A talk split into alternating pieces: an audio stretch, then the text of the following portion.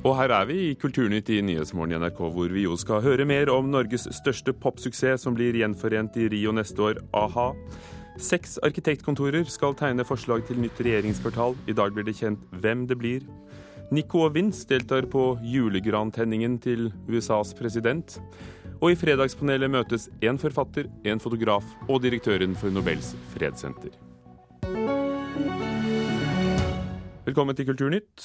A-ha gjenforenes under den brasilianske musikkfestivalen Rock in Rio i september neste år, som vi hørte i Dagsnytt. Det er fire år siden den norske gruppen sa farvel for godt, med en verdensomspennende avskjedsturné, og nå har de sannelig ombestemt seg.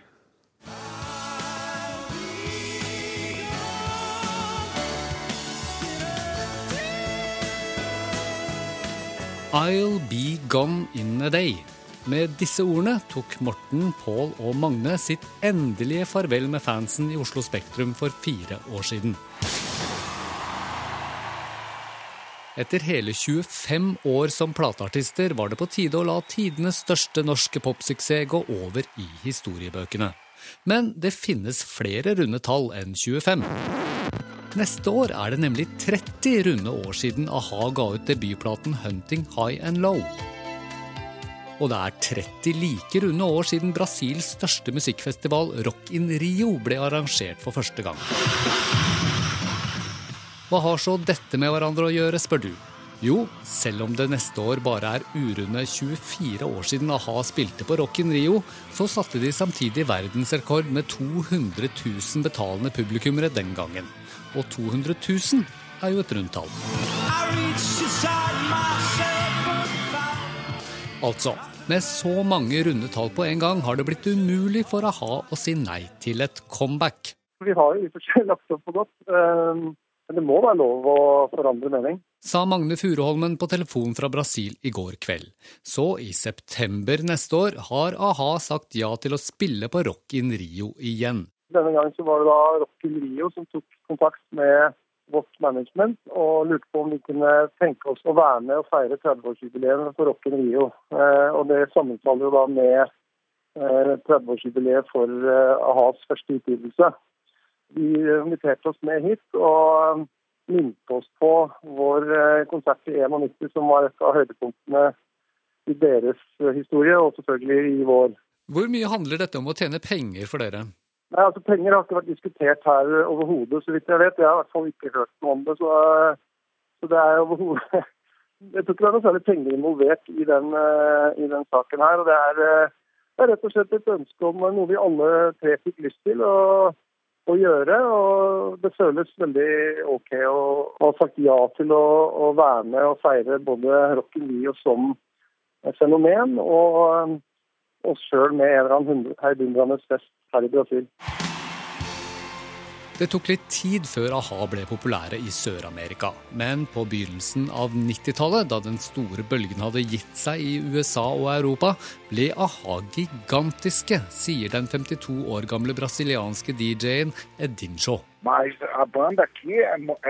pelo menos na época, era gigantesca, entendeu? Edinjo forteller at han fremdeles får mange spørsmål om å spille låter som Cry Wolf og Take On Me, men at a-ha har få brasilianske fans under 30 år.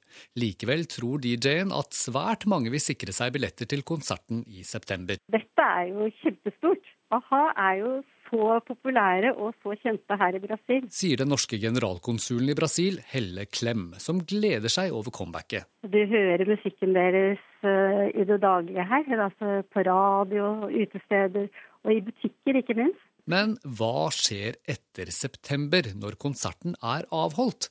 Blir det da flere, nå som comebacket først er et faktum? Det finnes jo mange runde tall å ta av. Vi ser ikke noe lenger enn til til at vi i et anfall av uh, overmot sa ja til at uh, dette gjør vi. Og så får vi jo da se om, uh, om det fører til noe annet.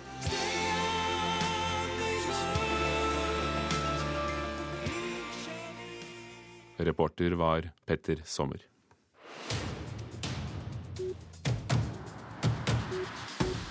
Flere av de ansatte i Norsk ordbok vurderer å gå til rettssak mot Universitetet i Oslo, skriver Klassekampen i dag.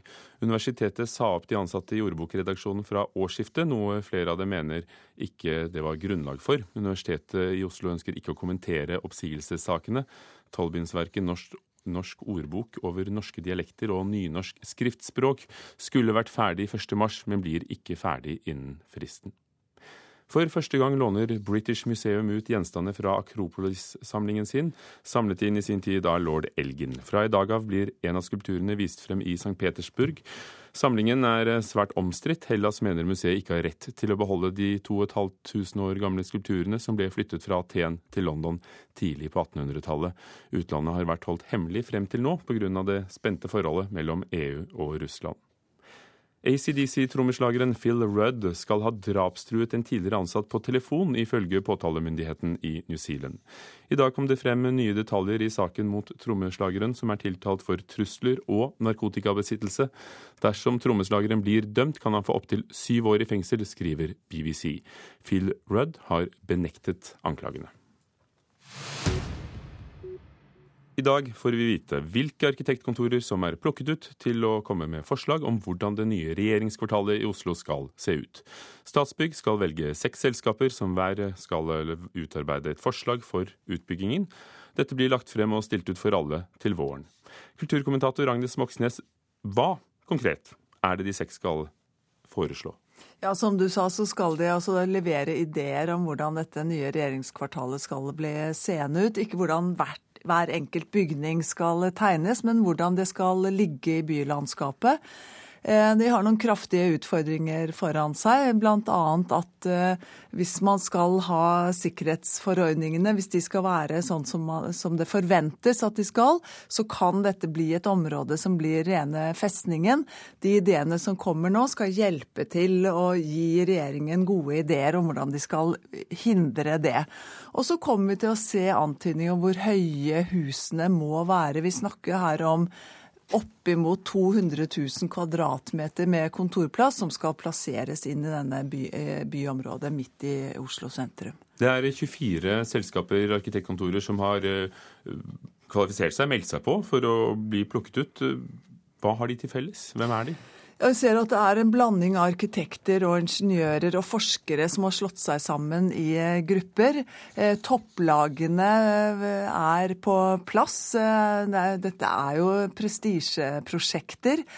Tolv kontorer fra Norge, ti danske kontorer, ett svensk og ett nederlandsk er det som er med i dette utvalget. Så Det er altså ikke en arkitektkonkurranse, men en, en planidéløsningskonkurranse. Men da du fortalte at det var 1700 som ville tegne Guggenheim i Finland, det var over 250 som ville tegne Operaen i Oslo, så synes jeg at 24 ikke er mange. Hvorfor er det ikke flere? Det er egentlig uvanlig mange som er med på en sånn eh, fase som dette her. For det, det, som forventes av disse kontorene, det er at de skal komme opp med geniale ideer som de øyeblikkelig mister opphavsretten eh, til. De får ikke særlig godt eh, betalt, og de er på ingen måte garantert at de skal få lov til å være med videre i, på ferden når regjeringskvartalet skal tegnes. Men eh, det som kommer til å skje nå, da er at de forslagene som eh, de kontorene som plukkes ut eller velges ut eh, og blir presentert i dag, de skal stille ut forslagene sine i april. Kommer til å bli utgangspunkt for en stor debatt. Og, og dermed så får jo også disse kontorene da en god del oppmerksomhet rundt dette. Hva sier kritikerne av Statsbyggs metode? Det har vært ganske mye kritikk. Det er jo noe, mange som mener at føringene fra regjeringen og, og Statsbygg er altfor slappe. Eh, at man burde hatt ambisjoner som var eh, eh, høye og tydelige i forhold til at dette skal være bygg som settes opp fordi at de er utsatt for terrorisme. At det, må sendes noen sånne signaler.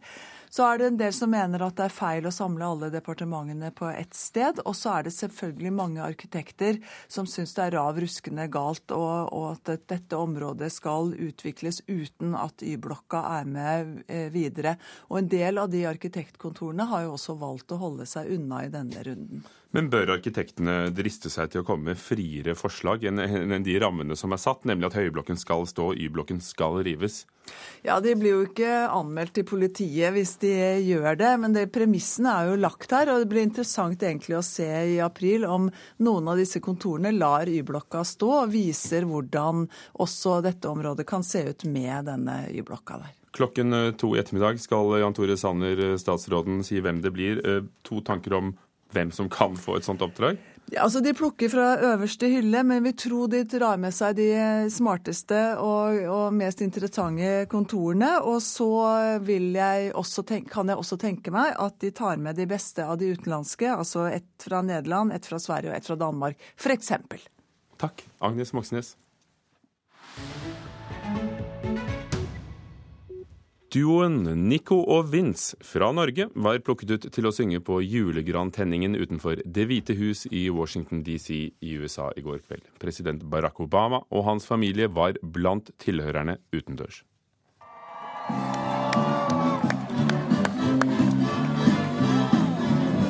Det er ingen mangel på superstjerner i parken like over gata fra Det hvite hus. Hey, Tom Hanks leder konserten til ære for USAs nasjonale juletre. Og hele familien Obama er til stede.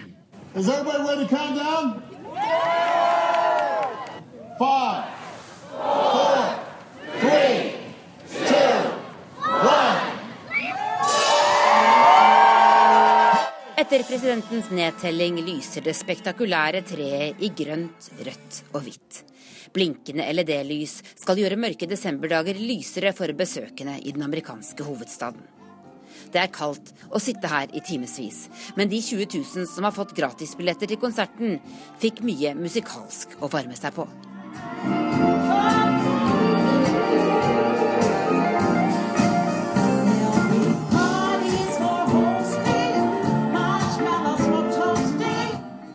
Soul-dronningen Patti LaBelle åpnet.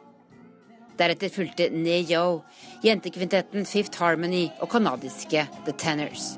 Og så, midt i dette celebre selskapet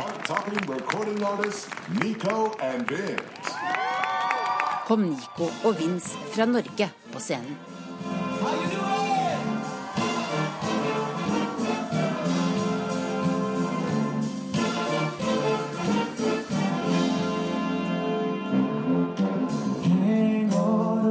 Mistletoe. I'm gonna get to know you better. De sang Donny Hathaways 'This Christmas' fra 1970 til stor begeistring fra publikum, inkludert familien Obama. This Christmas,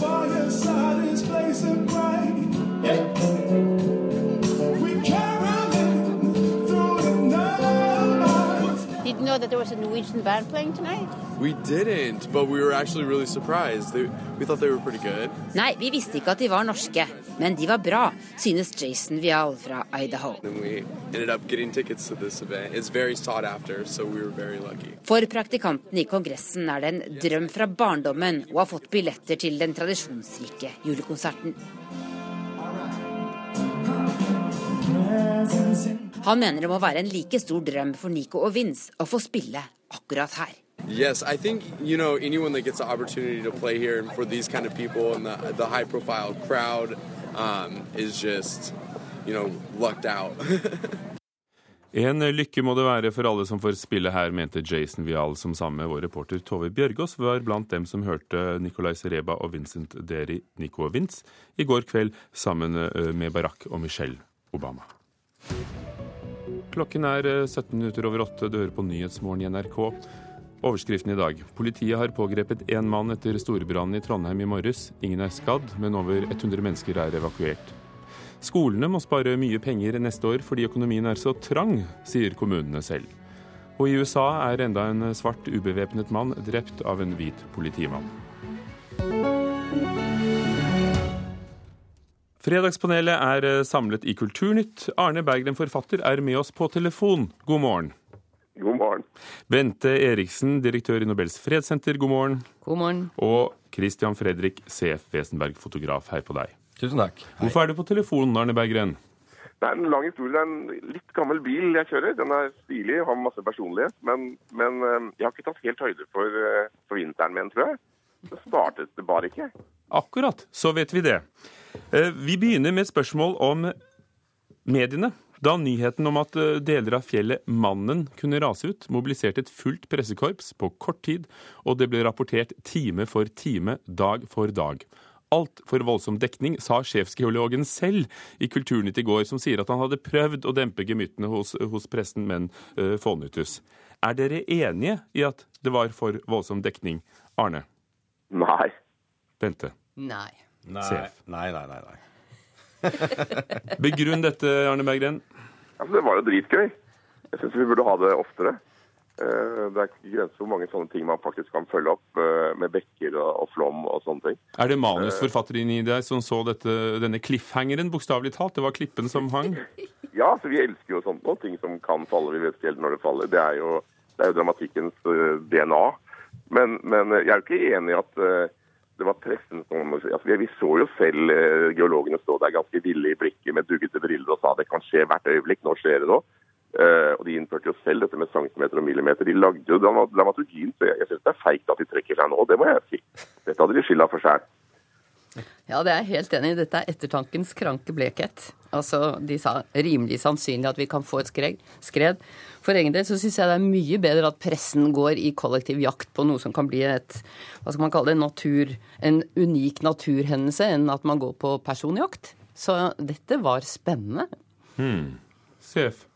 Ja, jeg, jeg har gledet meg til den her, sånn, for den, eh, dette har vekket eh, har gjort den gamle sagmuggen eh, min fra 80-tallet, 90-tallet i VG, den er skikkelig våt. Eh, krigstyper og store katastrofer selger alltid, og det er klart at eh, når, eh, når, du, når du har et, en fjellknast som heter Mannen, så løper pressen etter, og journalister er veldig lett å lede, og de kan endelig få lov til å si Mannen må god kuklang i, i media, så er det veldig bra, tenker jeg. og Har du flere overskrifter du ville ha? ja, man, å, ja, ja. Altså, da, jeg, da jeg jobbet i VG, så eh, Jeg tenker at der nede henger det ferdig forsider. Eh, mannen kommer. Mannen kom i natt. Endelig kom mannen! Ikke sant? Og, og det er klart at eh, de som har gitt eh, mannen navnet sitt, eh, mannen eh, altså hvis, vi, hvis det hadde vært da naboknasten, den heter jo Helleshønn. Eller Skulsnebba. Altså, du kan ikke si at Helleshønn raste i natt. Det er mye kulere å si 'Mannen raste i natt'. Men eh, han kom jo ikke, så, så det blir så, sånn litt sånn trist journalistikk. Det er sånn 'Mannen kom ikke'. Eh, når kommer mannen? Eh, hva er galt med mannen? Ikke sant? Det er, eh, Mannen i fokus. Bente Eriksen, den alvorligere siden av saken er at alle journalistene sto der, der og så på dette fjellet, mens det faktisk var en helt reell flom som herjet på Vestlandet, som vi etter hvert fikk øynene opp for. Eh, Så selv om det er bedre at de forfølger eh, fjell enn eh, personer, er det ikke fare for at vi ikke ser skogen for bare trær? Jo, men det syns jeg veldig ofte skjer med journalister, så det kan man ikke undres over. Jeg trodde spørsmålet var om hvorvidt vi skulle være etterpåkloke når det kom til hvordan journalistene oppførte seg. Ja, de journalistene, Arne Berggren. Jeg tror bare man må sette inn mer ressurser. Ja. Altså, jeg tror man må spre seg mer og ha overvåkning mange mange steder. Og, og satse, satse på dette her, så, så blir det flere klikk for det òg, vet. Neste punkt bøker. Bøkene forsvinner ut av norske stuer, fortalte vi i Kulturnytt denne uken. I moderne hjem, som har stadig større vinduer og, og blanke overflater, havner bøkene i kjelleren, eller de kastes. Er det leit at folks interiørvaner bestemmer om de skal ha bøker i stuen eller ei? Sef. Ja. Ja, ja, ja. Arne? Nei. Og du lever av å selge bøker og skrive, skrive TV-serier. Er, er, er det derfor, kanskje? Det, vil du heller at folk skal se på TV? Nei, altså, jeg, skriver også bøker, men jeg er også veldig glad i bøker bare som leser og, og sånn snobb. Og jeg, jeg, jeg syns at eh, det ble for vanlig med bøker gjennom bokklubber, og alle folk hadde det. Mens i gode gamle dager så, så kom de inn et hjem hvor det var bøker, så tenkte de å pinadø, her er det dannede folk, dette er eliten. Jeg tror vi må gjøre den opprenskingen vi gjør nå, eh, for å komme tilbake der hvor det å ha bok er noe som hever deg over mengden. Og Jeg ser at barna kommer hjem med, med venner, og så ser de på veggene og så spør de hva er det Men, og, og når jeg da kan svare bok, så ser de på meg med sånn ærefrykt. Så Jeg tror dette er en sånn nødvendig kulturell opprensning, egentlig, hvor vi skal tilbake til scratch. Folk som leser bøker, får egne fortrinn. Bente? Ja, ja. Jo, det kan være en fase. Jeg håper det er en fase. Jeg tenker at eh, det er noe innholdet som teller, da, når det gjelder bøkene. Og, og jeg, for meg så er konkurransen til bøkene enten at man selvfølgelig bruker nettet og leser på nettet, eller denne, denne plassproblematikken som også var eh, inne da man diskuterte det i forrige, eller i uka som var.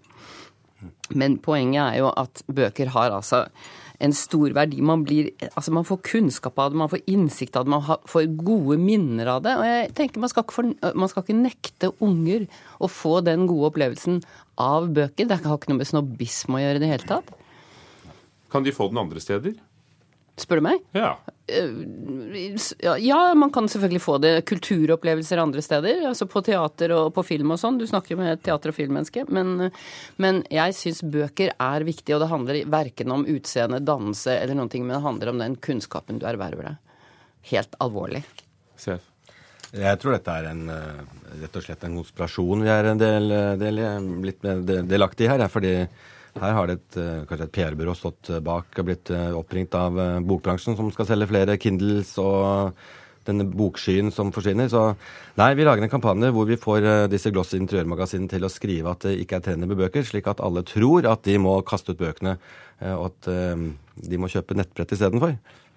Kanskje. Men, men, det var jo sånn at det var trendy for tre år siden. Ja, det så det går i veldig korte drag. Ja, men det er kjempefint, fordi nå, når, jeg går, ja, når jeg går på loppemarked nå, og, og sånt, så er det jo så mye bra bøker å få. Det har vi egentlig, da. det er kjempedigg. Og dess, dessuten så er jo det, dette med bøker er jo um, Jeg lurer på om det ikke var Hemingway som um, hadde en sånn eh, strategi på at når han kom hjem til folk, så tok han uh, alltid lånte med seg en bok. For da kunne han, uh, fra bokhyllen, da kunne han alltid ha en grunn til å komme tilbake til. Eh, til vedkommende. Eh, og det er noe å tenke på altså når du besøker folk som har en bokhylle, og ikke har et, et blondt hjem uten bøker, altså hvite vegger. Det er ganske trist. Ja. Eh, sosiologen vi hadde i studio, Arne Berggren, sa at dette går i bølger. Så når du skal renske ut, hva med å bare sette dem i kjelleren så du kan hente opp når, når, når bølgen er over? Ja, nei, helt, helt alvorlig. Jeg, jeg, har så mye bøker. Jeg er så glad i bøker. Jeg syns det er så nitrist uh, at, at, at, bøker forsvinner. Uh, så, så, så, jeg vet ikke. Jeg, jeg holder stand, altså. Jeg har, jeg har, jeg har tjukke bokhyller og har tre versjoner av Pax Leksikon, og jeg har hele pakka. Jeg, jeg gir meg ikke på dette. Hvordan tror du det vil se ut hos barna dine? De kommer til å ha 1000 av Jo Nesbø i paller. Men bøker er jo vakkert også. Og hva skal du ha på veggene? Det er jo ikke noe annet alternativ enn bøker og bilder.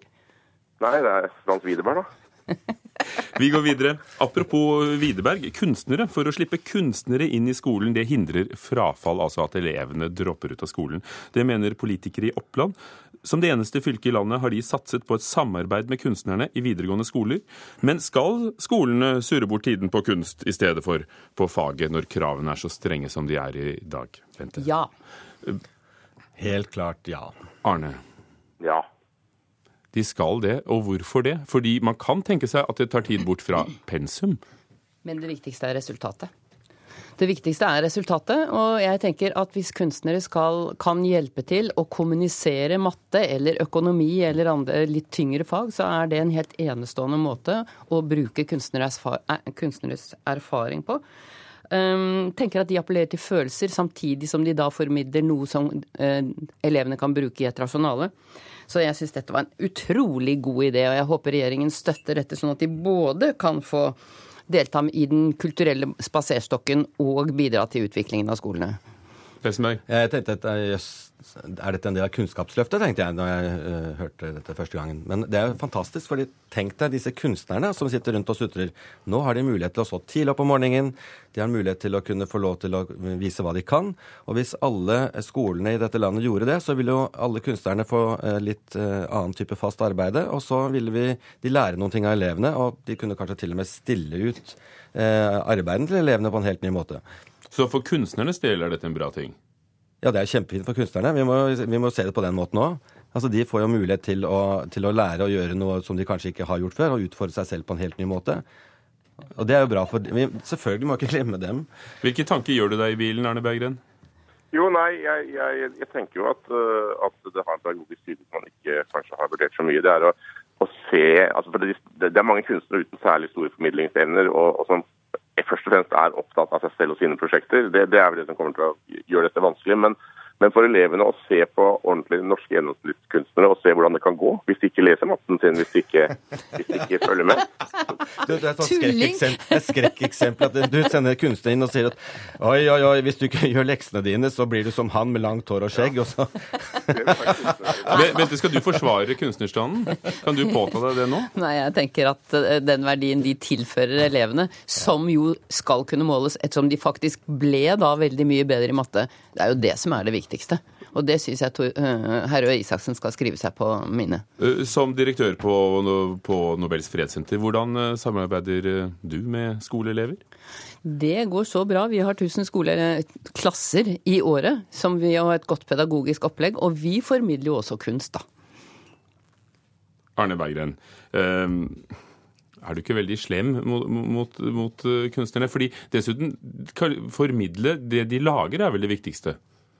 Ja, nei, men jeg, jeg, jeg er slem. Jeg bare tøyser fra tidlig på morgenen. Men, men, men uh, så, lenge, så, lenge, ikke alt skal inn i en sånn A4-formidlingskonkurranse hvor, hvor, de morsomme kunstnerne uh, er de som på en måte reiser rundt på skoleturneer og, og deltar på skolen, så, så, så, så syns jeg det er en veldig god idé. Jeg syns det er spennende. og jeg jeg tror kunstnere definitivt har et annet blikk på ting og en annen måte å tenke på som er sunn i en skole som kanskje noen ganger blir sånn litt vel prosess- og målorientert. Vårt mål har vi snart nådd. Takk skal dere ha til Fredagspanelet. Arne Berggren, forfatter. Bent Eriksen, direktør på Nobels fredssenter. Og CF Esenberg, fotograf. I Kulturnytt har vi hørt at popgruppen a-ha gjenforenes til sitt 30-årsjubileum. Det skjer i Rio i neste år. Arkitektkontorene som skal lage forslag til nye planer for regjeringskvartalet, de blir kjent klokken to i dag. Hilde Tosterud var teknisk ansvarlig. Halvor Haugen var reporter, og Thomas Alverstein Ove produsent, og Ugo Fermariello programleder. Takk for oss. Forfatter og tegneserieskaper Inga Sætre illustrerer riktignok barnebøker, men til sine egne unger leser helst høyt fra leksikonet. Hvorfor i all verden, spør vi i Salongen. Salongen 17 18 på NRK P2.